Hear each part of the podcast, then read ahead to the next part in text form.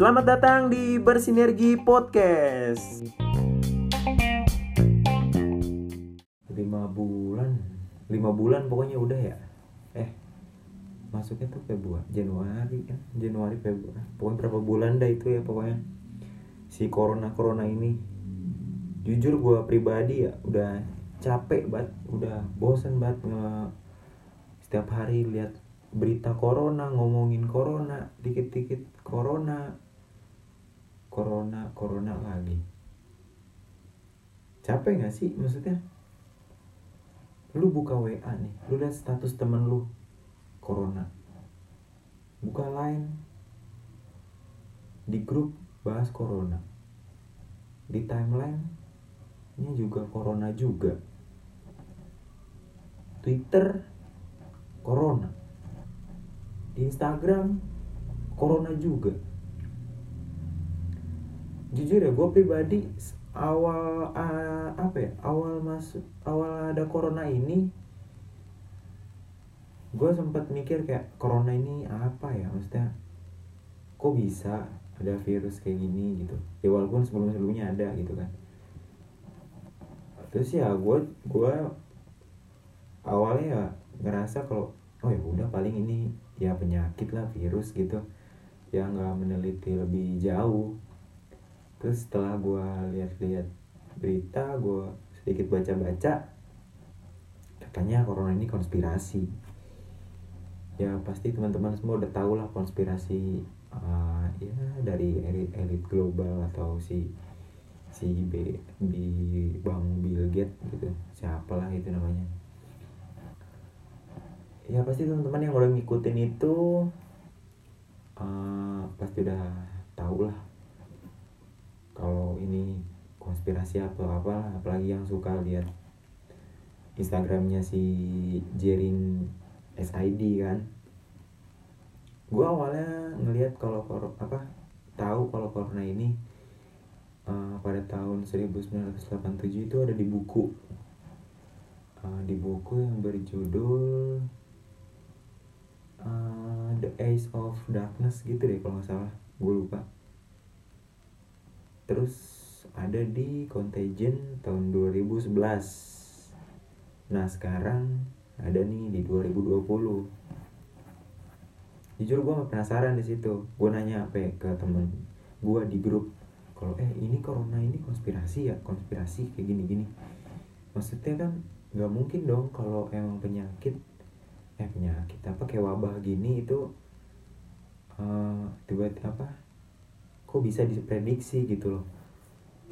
Ya walaupun ada yang ngomong ya mungkin kemungkinan kali kemungkinan apa cuman kebetulan aja ya. Ya secara logis ya nggak bisa diterima dengan akal sehat dong.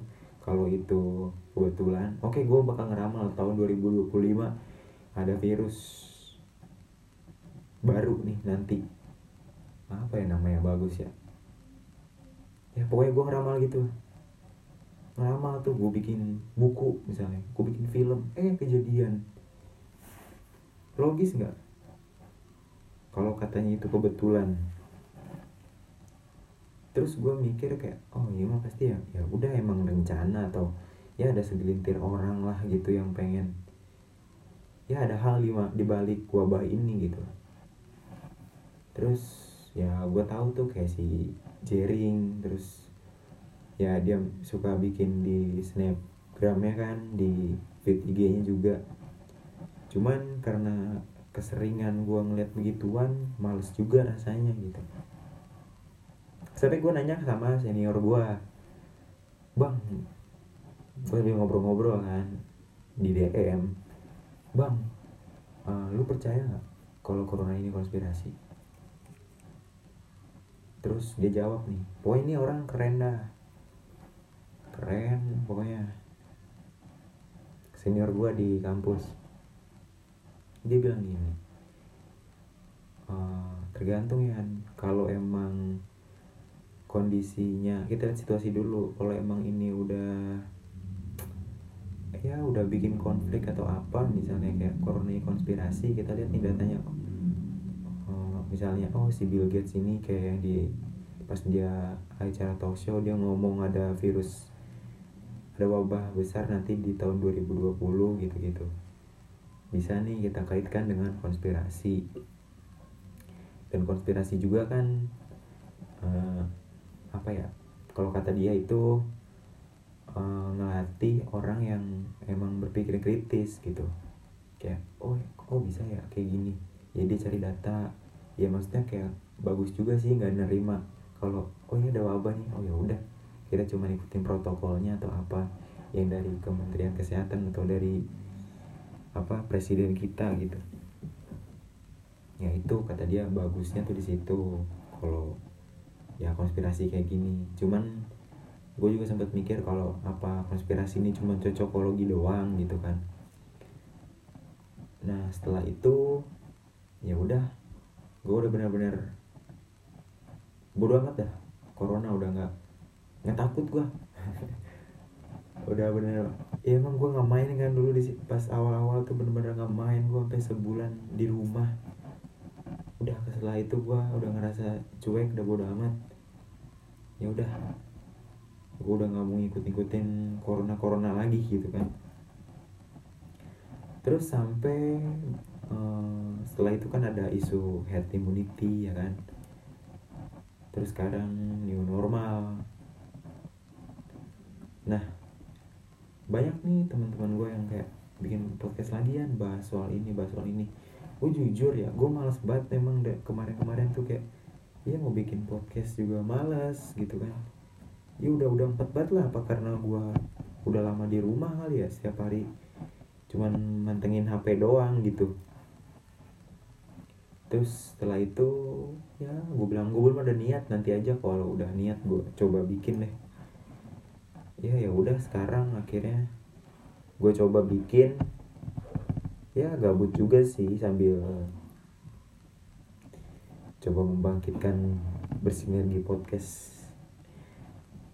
Ya health immunity yang katanya ya kalau bisa dibilang seleksi alam lah. Siapa yang kuat siapa yang dia yang bertahan gitu. Yang usia rentan 40-an tuh ya itu yang usia rentan yang harus dijaga. Terus yang usia-usia muda nih ya udah dibolehin. Cuman kalau dipikir-pikir lagi gue nonton nih yang si Deddy Kobuzer sama si Bosman Mardigu itu. Katanya dia juga sepakat sama si herd immunity ini. Kan ada yang takut nih kalau herd immunity nanti banyak yang sakit terus rumah sakit penuh dong gitu Nah, ternyata si bosman ini beranggapan kalau justru yang orang sakit ini nggak perlu ke rumah eh, yang orang sehat. Apa sih misalnya gini uh, orang yang rentan itu kan misalnya didiemin di rumah ya nggak boleh beraktivitas. Terus orang-orang yang punya daya tubuh kuat ini dia dibiarin. Terus kalau misalnya ada orang sakit nanti dibawa ke rumah sakit nih banyak yang kena corona. Akhirnya rumah sakit penuh. Tapi si bosman ini bilang kalau uh, dia nggak setuju sama pendapat itu. Justru kalau orang yang emang nggak begitu kena dampak dari corona ini misalnya dia kena corona nih terus ya udah nih dia sakit nih. Ya dia nggak perlu ke rumah sakit. Ibaratnya lu lagi naik sepeda terus jatuh cuma luka ringan doang ya kan nggak perlu ke rumah sakit. Cukup cukup di rumah doang gitu kan. Gitu tuh kalau kata si bosman. Terus kemarin gue nanya sama temen gue kalau herd immunity gitu pada setuju gak? enggak lah katanya. Lah kenapa? Kan yang usia aman gitulah ya boleh keluar terus yang rentan diem di rumah. Terus dia ngomong gini ya iya aman terus misalnya lu keluar nih rumah main lu ngelakuin aktivitas apa pun lu pulang ketemu orang tua lu yang di rumah atau siapa pun yang usianya rentan kan kita ini apa istilahnya ya? Apa sih gue lupa deh itu namanya. Nah udah amat dah. Yang kayak cuman nularin doang tuh. Nularin doang. Jadi pas kita keluar kita pulang ke rumah kita nularin orang tua kita. Kan yang bahaya malah jadi orang tua kita yang kena. Gitu katanya. Terus ya gimana ya? Gue juga udah ya udahlah mau herd immunity kayak mau apa kayak bodo amat lah gitu. Gue bener-bener gak ini banget sama hal kayak gini. Udah capek duluan udah enak duluan. Ya ini mah gue cuman ngisi aja gitu. Abis itu ada nih sekarang new normal kan? New normal. Uh, kita boleh beraktivitas dengan menjaga protokol kesehatan terus ya pakai masker kayak gitu. Tapi ya banyak plus minusnya juga lah. Mungkin banyak daerah-daerah atau yang belum siap buat ngejalanin new normal ini. Cuman kan balik lagi peraturan di Indonesia ini kan nggak tegas. Peraturannya dibercandain gitu kan akhirnya ya bingung juga nih gimana. Kan Kemdikbud juga kemarin bilang nih kalau pendidikan tetap dilakukan secara online kan di rumah boleh melakukan kegiatan atau sekolah dengan tetap muka tapi ya asalkan daerah itu udah masuk zona hijau hijau ya kan. Cuman balik lagi deh. Kalau dilihat dari ada baiknya juga misalnya gini. Di saat uh, universitas tetap membuka um, apa ya membuka perkuliahan gitu secara tatap muka. Misalnya dari protokol uh, dari Kementerian Kesehatannya harus ada jarak lah atau apa. Misalnya satu kelas ini satu kelas misalnya nggak gede-gede amat ya. Murid 40 itu harus dijaga nih harus dijarak dijarak jarakin muat emang kan nggak muat yang kayak gitu-gitu maksudnya mungkin kayak orang nih kadang kalau nilai sesuatu itu cuma dari satu sisi sudut pandangnya aja gitu kayak nggak cari sudut pandang yang lain gitu loh. Kayak kemarin banyak nih gue ngeliat di twitter pada komplain kan kayak ya apa kayak udah kuliah kayak gini lah diam di rumah terus nanti gimana kuliah kayak gini gini gini ya iya sih cuma apa itu masalah juga gitu. Cuman ya sekali sekali lah kita uh, puji dikit lah gitu. Ya ada benarnya juga gitu. Kalau ya kalau lu mau ngelanjutin apa pihak universitas mau tetap muka gitu kan cuman kan harus ngerepot apa ngelibatin uh, protokol itu kan mungkin agak sulit juga gitu terus udah di sekolah belum lagi gitu kan. Ya ya udah lah mas gue orang-orang nih kalau gue suka kesel ya kenapa sih suka ng selalu ngelihat hal dari satu sudut pandang aja gitu. Ya gue juga jujur kesel nih kayak kuliah online lagi gitu kan maksudnya buat tahun depan nih isunya. Cuman ya ya mau gimana gitu kan sekarang kita mau komplain mau apa juga. Kemarin banyak kan universitas demo kalau UKT diturunin kayak gitu-gitu. Cuman ya lagi-lagi kan universitasnya nggak ngaruh. Nggak bakal goyah mereka kalau cuma lewat media sosial.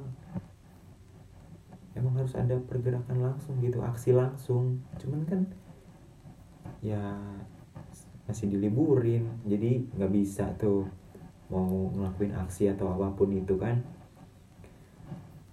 Keren ya nih kita bahas new normal coba deh. New normal atau new orba nih? New normal di mana hak bersuara untuk bebas berpendapat itu dibungkam. Anjas.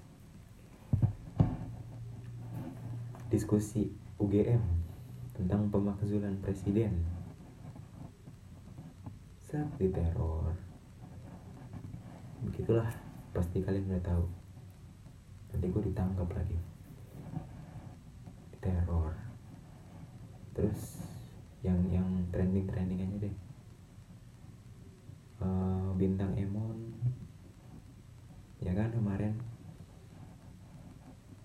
Difitnah padahal cuman komedi lah komedi.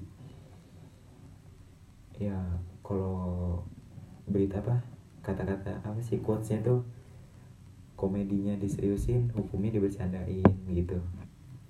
Pokoknya gitulah. Keren ya Indonesia.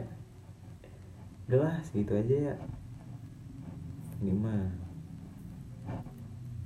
namanya podcast dapat duit juga enggak ini mah? Atau gimana? Ya seru-seruan aja ini mah mau gimana lagi ya tuh? Maaf banget nih kalau emang kurang. Oke pokoknya itu aja